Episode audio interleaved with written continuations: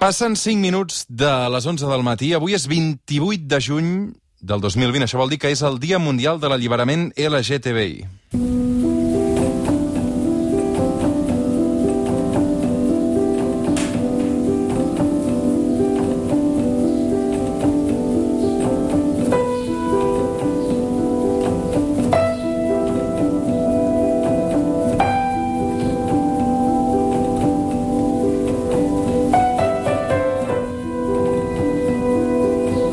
Això que sona és Al, és la quarta peça del nou disc Estat de l'Arba. Crec que encara no s'ha sentit enlloc, això. No, encara De la Clara Peia, que és aquí, és aquesta que ens, escol- eh, que, que ens acompanya i que esteu escoltant. Això s'estrena el 3 de juliol. 3 de juliol, exactament. Bon dia i bona hora, eh, primer de tot. Bon dia, Rui. Com estem, Clara? Bé, bé, bé. I tu? Bé, Me n'alegro. amb ganes de tenir convidats a l'estudi i veure'ls cara a cara. Doncs mira, ja hi som. Escolta'm una cosa, què és això que sona? Tan inquiet, és inquietant, eh? Bueno, aquest tema justament sí. Puja, puja, puja, Albert.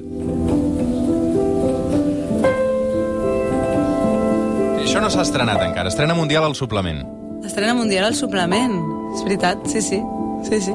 Explica-m'ho. Estat de larva. Estat de l'Arba és un disc eh, a piano sol que he gravat, bueno, comp he compost i gravat durant el confinament i, bueno, Estat de l'Arba intenta reflexionar una mica sobre què ha, què, s'ha- què ha sigut per totes el fet d'estar confinades, no? Faig el paral·lelisme amb una larva, no? Una larva eh, esdevé algú, o sigui, esdevé una papallona, esdevé el que sigui, però vull dir que una larva és com un estat previ a anar cap a un altre lloc, no? I per mi és important saber què ha passat amb nosaltres, no? Nosaltres hem estat tancades eh, durant dos mesos i mig eh, amb uns canvis brutals eh, a nivell mundial i què passa amb nosaltres? Nosaltres què? Hem hivernat o hem sigut larves? I ara farem canvis? Que, que, de quina manera ens ha afectat per tal de que puguem fer canvis personals, per tant de que puguem eh, treure'n coses positives a nivell individual i a nivell col·lectiu de, de tot el que ha passat, no? I, bueno, per això es diu estat de larva, no? i bueno, és un disc que no, no, no faré concerts ni, ni vull pas treure diners d'això, però sí que m'agradaria co cobrir els costos de producció i per tant el trec eh, mitjançant Bandcamp eh, llavors... Ja m'estàs colant la falca. Ai, perdona, quina No. falca Home, no, que estic fent broma. Digues, no, digues. digues. La, No. la falca publicitària del, Sí. del Verkami o del... No, del Bandcamp no, és, és, tu et compres el disc i te'l descarregues i per un mínim de 6 euros. Llavors, eh, t'envien el disc, eh, mitjançant un link te'l descarregues i quan jo hagi cobert els costos el posaré en obert. Per tant, comprant aquest disc, el que fas també és que la gent que no el pugui comprar el pugui escoltar a posteriori. Eh, ho, ho hem estat investigant. Um, crec que uh, són peces que són síl·labes, no? Uh, Ah, per exemple, en tenim una altra. Albert, posa'm una altra. La 2, no? És a dir, hem començat amb la 4, eh, ara sentim la 2, però si juntes totes aquestes síl·labes, totes aquestes peces, encadenades, no sé vosaltres, però jo necessito pell per viure. Exactament. Acaba dient això. Exactament. Què vol dir? Doncs vol dir que jo, personalment, prefereixo viure molt menys i tenir contacte i viure la vida, el que és la vida, la quotidianitat, la vida terrenal, la que es toca, la que vius, que no la, la virtualització, la vida aquesta que ens, que ens genera separadors, la vida escèptica, no? Mm, no sé, jo crec que tenim massa por a la mort a la nostra i a la de les demés. Jo, jo principalment, vull dir que mm, estic absolutament inclosa dintre d'aquest grup, però crec que aquesta por ens paralitza a, a, a, bueno, a, a viure, no? I jo prefereixo viure, no? Jo prefereixo viure dos anys que 30 sense abraçar, sense tocar, sense parlar, sense cuidar, no? I...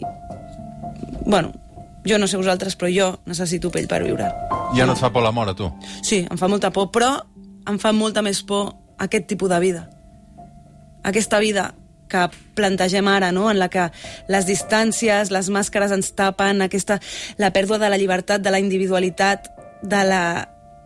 mm, no sé com dir-ho, de la bogeria, no? no jo, jo, jo crec que el coronavirus ha matat molta, molta gent, però jo crec que aquí el que hi ha moltes víctimes, moltes, mm, a nivell, a nivell de coco, no sé com dir-t'ho, no? Jo crec que aquí hi ha hagut un... Per exemple, s'amaguen els, les estadístiques de suïcidis o, o, o... Què ha passat amb tot això? O sigui, que hi ha molta gent amb unes seqüeles mentals brutals i això no ho tenim en compte, no? T'has menjat molt colco aquest confinament o no? Jo no, però jo he tingut la sort de confinar-me a la muntanya amb una comunitat. Hem sigut 22 persones. I, per tant, o sigui, he tingut pell, he tingut vida i... Però sí que mm, m'ha arribat tot el que ve de fora, totes les meves persones estimades i bueno, hi ha de tots colors, i també crec que el confinament ha anat molt bé per moltes coses, ha anat molt bé per, per adonar-nos no, de que aquest planeta ha de respirar, per adonar-nos de que l'estrès ja no ens representa, que la, que la feina i el produir és una eh, conseqüència de la societat capitalista absoluta i que de quina manera volem viure, no? És que com volem viure ara amb tot el que ha passat? Realment volem continuar amb el que fèiem? És que és així? No ho sé. I, i mm, tu creus que servirà per canviar alguna cosa o recuperarem aquella antiga normalitat i aquells malvicis que teníem? bueno, pel que Perquè veig, és molt fàcil fer la, reflexió, fer, fer la reflexió i, i, i, i dir-ho, però l'altra Sí. cosa és practicar-ho, no? Mira, o sigui, jo no ho sé, jo per començar he marxat de Barcelona, ja no visc a Barcelona, ja no m'interessa aquest nucli ciutadà en el que tot és perillós, en el que eh, la vida és molt més difícil. Me'n vaig a, un, a, a la vida rural, que ara per ara em dona una seguretat, però no seguretat d'infecció, no, sinó seguretat de poder seguir vivint, no?, d'alguna manera. I per mi si tu això és... d'aquelles persones que ha canviat la ciutat pel poble, aquest confinament.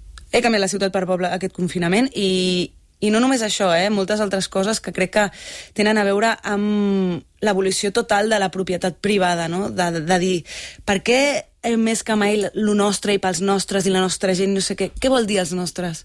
Saps? O sigui, mm, crec en l'economia solidària, crec en la renda bàsica, crec en una sèrie de coses que...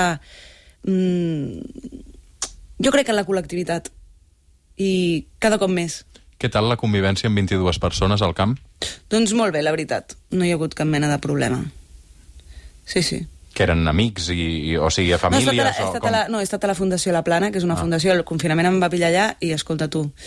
Mm, doncs bueno, doncs molt bé, molta reflexió, molta col·lectivitat, tenia un piano, també moltes hores d'estar sola, moltes hores de, de compartir, però jo penso molt en, en les caixes de resistència i en... O sigui, jo soc una persona molt privilegiada que a mi les coses em van bé i crec que tinc una responsabilitat de, de fer-ne d'això doncs, al, algú, algú col·lectiu, no? I no algú per mi, no? Mhm. Recordo el discurs que vas fer eh, el dia que vas recollir el Premi Nacional de Cultura. Vas dir això. Jo, com a lesbiana feminista, estic farta de que la història estigui escrita per homes blancs heterosexuals de classe mitja alta. I abogo per una cultura, per una història escrit, que l'escriguin totes les persones diverses, sobretot aquelles que estan més invisibilitzades en la nostra societat, com són les persones racialitzades, les persones migrades, les persones amb diversitat funcional, les persones amb diversitat intel·lectual. I totes les que em deixo, perquè probablement avui encara no sóc capaç de veure-les. Clara, què creus que cal reivindicar en un dia com avui? Ui, moltes coses. Eh, LGTBIQ, bla, bla, bla, bla. A veure, és un No dia... t'agrada això de posar etiquetes? LGTBIQ... Mira, eh, clar que no m'agrada, però crec que per trencar les etiquetes primer han d'existir. Has de donar visibilitat a algú per després eh, que es converteixi en algú, no? Per, per, per, per, per traspassar-les, no? I, malauradament, totes aquestes sigles denoten tot un col·lectiu que ha tingut molt poca visibilitat eh, i que evidentment doncs, va guanyant terreny però que encara ara mm, aquestes dues últimes setmanes hi ha hagut un munt d'agressions homòfobes i, i bueno, que crec que hi ha molt camí per fer i molts tabús que trencar i moltes, molts codis binaris que trencar, moltes diversitats que, que, que, que, que s'han de veure, no? Per exemple, jo que sé, les persones intersex, que quan parlo d'intersex hi ha moltíssima gent que no sap ni que existeixen, no? Eh, visibilitzar les coses que no es visibilitzen. Aquesta jo crec que és la lluita que eh, hem de fer totes col·lectivament, no? Tu quan et vas adonar que t'agradaven les dones? Mm, jo crec que cap als 14 anys em va caure la fitxa, però vamos. mm, després vaig fer un repàs i era de manual. Però probablement eh, ara mateix, eh, si hagués viscut aquesta actualitat, me n'haguera donat bastant abans. I ho vas tenir fàcil? Jo sí, ho vaig tenir molt fàcil. Bueno, ho vaig tenir fàcil a nivell familiar, cap problema. I mira que jo tinc uns pares grans, però eh, no vaig tenir cap problema. Però, evidentment... Mm, Els hi vas explicar de seguida als pares? Sí, és 14. Eh, evidentment, per exemple, jo que sé, a l'escola, des de Marimacho, eh, em deien Joan Carles, em deien... Bueno, jo jugo a futbol... Mm, bueno, tot el que és una, sent norm, una persona no normativa, pel que sigui, és difícil, no? En aquella època, doncs, jo suposo que era més difícil que ara, m'agradaria pensar-ho així, però, bueno, els nens no volien jugar amb mi perquè deien que jo no era una, un nen, les nenes no volien jugar amb mi perquè deien que jo no era una nena, bueno, i un munt de coses, no? I també, bueno, jo crec que això també m'ha fet forta per altres bandes. Vull dir, de tot se'n treuen coses, però evidentment són experiències que són complicades, no? I, bueno, sí, sí. I l'educació sexual que vas rebre? Um, com a dona lesbiana? bueno, nefasta. Mira, jo me'n recordo un cop amb 19 anys que vaig anar a donar sang i et pregunten si havies tingut sexe durant els últims mesos, no? I jo vaig dir amb dones i van marcar la casella de no sexe. I dic, what? o sigui, ah, molt bé, molt bé. Bueno, jo crec que el sexe també està enfocat d'una manera mm, molt capitalista, és a dir, molt reproductiva, tot el que és una qüestió de reproducció i també molt mm, bueno, aquesta manera en què la, la medicina veu els cossos, no? que és com, com un cos, no com, no com una vivència d'una persona amb, amb, amb unes característiques concretes, amb unes vivències concretes, sinó, mm, bueno, casos, no?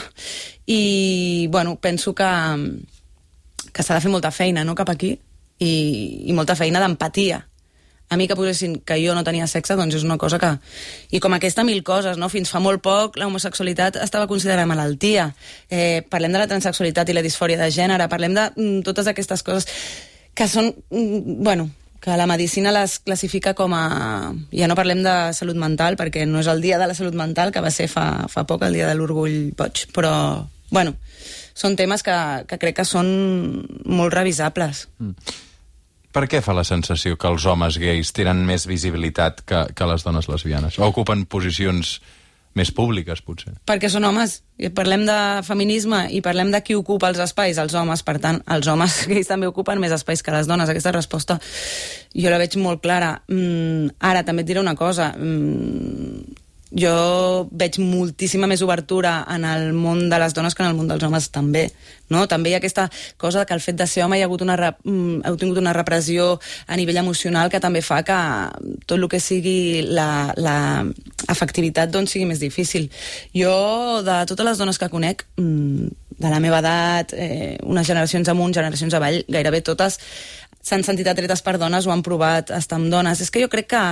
Um, o sigui, jo tinc molt clar que jo vaig, em vaig, vaig haver-me d'adonar que m'agradaven les dones, perquè, clar, era una cosa normativa, no? El fet de que haguem de seguir sortint de l'armari, això és molt cansat, no? I, però, però jo també, eh, amb el temps, me n'he adonat que també m'agraden altres persones, i no només les dones, sinó homes, eh, homes trans, bueno, una, una, una diversitat de, de persones que també em poden atraure, no? I, és a dir, tu el que no t'agrada és l'amor romàntic. No, l'amor romàntic, malauradament, sí que m'agrada, és un desastre. És a dir, no m'agrada, però hi sóc víctima i aquesta cosa que hi caic i tot això. Però jo penso més en les persones i penso que eh, seria importantíssim eh, eh, acabar amb aquest codi binari, no? que hem de classificar les coses i què és un home o una dona, però va ser home, però què? I com se sent... O sigui, doncs jo què sé, és una persona, no? Mm és una persona amb, amb totes les seves característiques eh, in, i les seves individualitats. Per això crec que és molt important també visibilitzar la lluita de les persones intersex, no? que mm, de petites se'ls fa una intervenció i es decideix de quina manera viuran, si com a dones o com a homes. Mm, I això és una cosa que, que molta gent desconeix, no? Doncs les persones intersex que decideixin amb el temps de quina manera i com volen viure.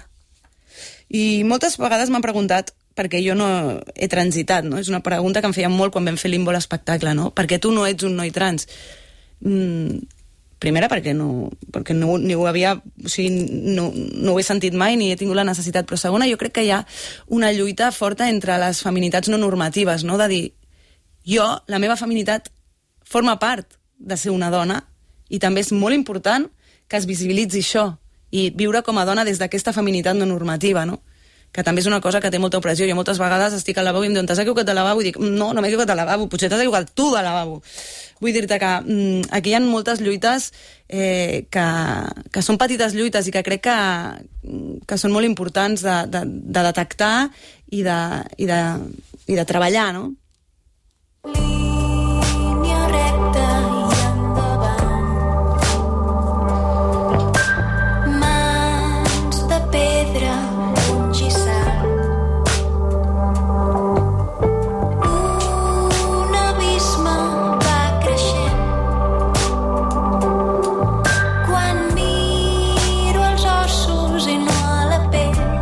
Deus tenir ganes de fer concerts, no, per això, Clara, o què?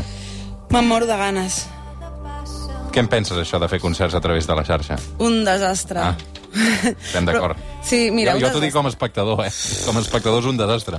No, no, és un desastre. Jo... Eh, eh, un desastre. Mira, també me n'he donat amb aquest confinament que realment jo sóc carn d'escenari. O sigui, m'agrada sortir a l'escenari, m'agrada que em mirin, m'agrada que m'escoltin, m'agrada l'energia que es genera eh, mentre estàs tocant i, i, i, i, i, amb, i amb, amb, amb les persones amb les que toques, amb, amb, amb els músics i músiques, i també amb la gent del públic. M'agrada això i, i no, no m'agraden les xarxes, o sigui, les detesto. M'agrada la vida que es toca, que es palpa, que se sent. Va, um, et presentaré una persona que jo crec que t'interessarà molt. Va, A veure, aquests últims dies navegant per internet hem topat amb un podcast, es titula Mòbil, cartera, claus. molt bé. El mes de febrer sonava d'aquesta manera. Me dic Mars, tinc 26 anys, sóc una persona trans i he començat a hormonar-me. Això era el mes de febrer. El mes de març sonava així. Tal com diu la cançó, dels changes, passen pels típics canvis de s'edat, especialment canvis hormonals. El mes de l'abril sonava així. Ahir vaig anar a comprar-me una gilet per treure'm els quatre pèls que me surten en el bigoti. El maig anava així. Quan... Hola! no crec que m'hagi passat això. Això és un gall. És un gall de persona trans. I ara, el mes de juny. L'altre dia una persona me va tractar en femení per desconeixença i, i acte seguit, quan se n'en va donar, se va disculpar molt educadament. Març Llinàs, bon dia. Hola, bon dia. Com estàs? Molt bé, i vosaltres, què tal? Molt bé. Uh, T'ha canviat la veu, no? Sí, m'ha canviat per dies una mica. També de matí la tinc més greu.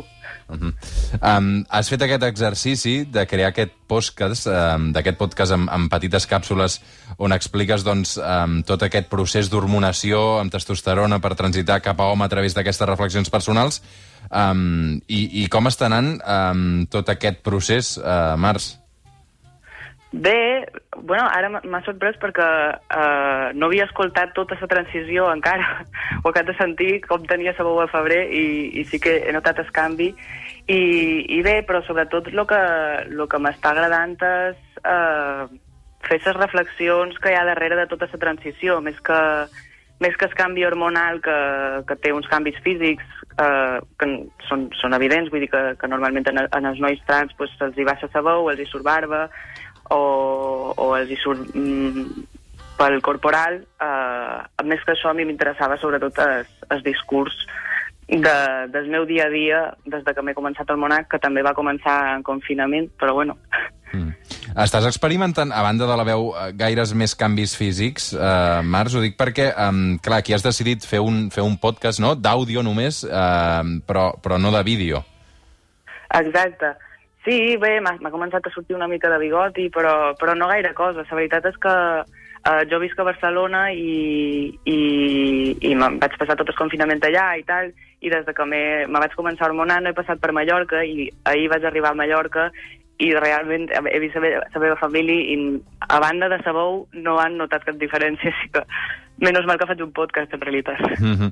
uh, des de quan t'identifiques com a trans, tu? Mm, jo crec que ho vaig començar a intuir als 20 anys, mm, el que no sé si ho vaig començar a dir cap als 22. No ho sé, massa bé, el, el moment que em vaig identificar com a trans. Uh, sí, jo diria que als 22. Mm -hmm. I aquest procés de, de, de... En aquest cas d'hormonació va començar en, en, en ple confinament, no? Crec, vull dir, ho estàvem escoltant ara, al, al febrer del, del 2020, vull dir, pràcticament just abans de confinar-nos tots a casa. Exacte, va, va, vaig estar, pues, això, quatre anys mm, sense hormonar-me.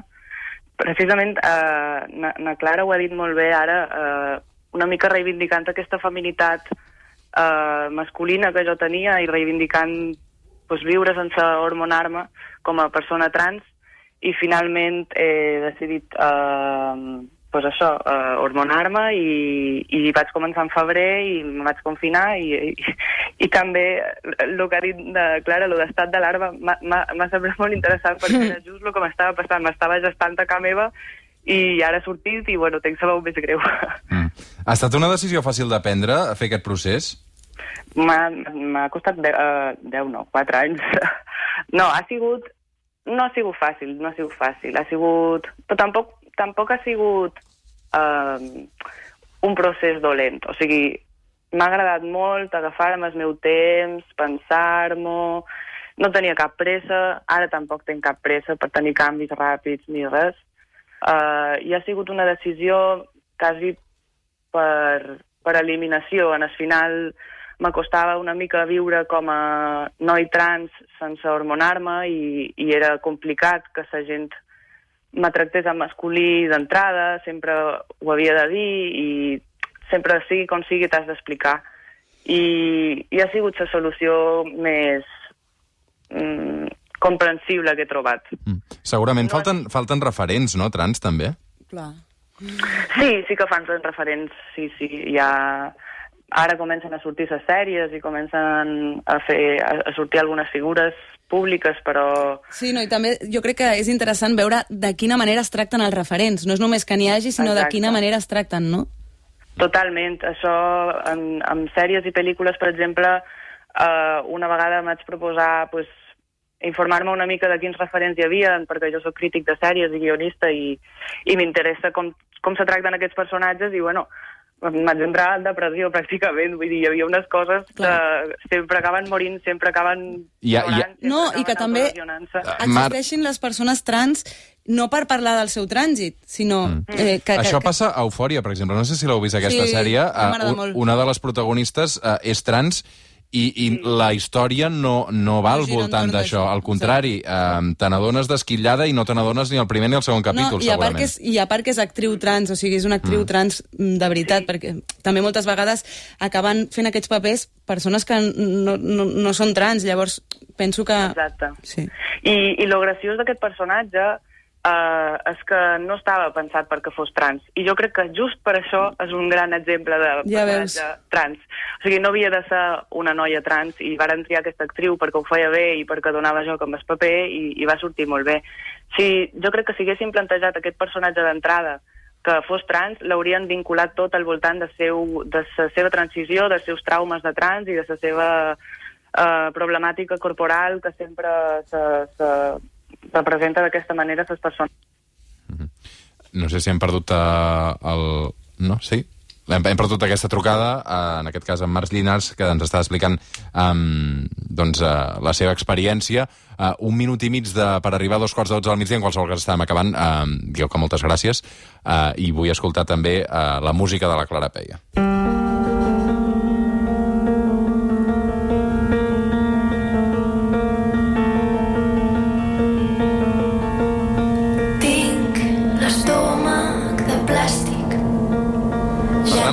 Proper concert quan serà, Clara? Uh, el proper concert és la setmana que ve, 2 de juliol, a Mont, al Castell de Montjuïc. Està exaurit, però... Amb les distàncies de seguretat tot, i totes tot. aquestes coses, t'hauràs de posar desinfectant abans de pujar a l'escenari les mans, no? Sí, tot, El piano però... també. L'has de desinfectar de la baix, no? El piano també? Jo no ho penso fer. Tu no penses? Sí. Va, només el no toques tu. No es farà no, malbé, home. Només, només el toques tu. Sí. No, estic contenta perquè aquest juliol el tinc ple de bolos i, i tinc moltes ganes de tornar i, i, i tornar a tope. I a més, bueno, al novembre presentem el nou disc que no és Estat d'alarma, que és el Perifèria, vull dir que és el nou disc amb, amb, amb banda, o sigui que moltes ganes. Mm -hmm. Moltes gràcies per haver-nos acompanyat avui, Clara Peia. A vosaltres. Que vagi molt bé. Fem una pausa i ara tornem.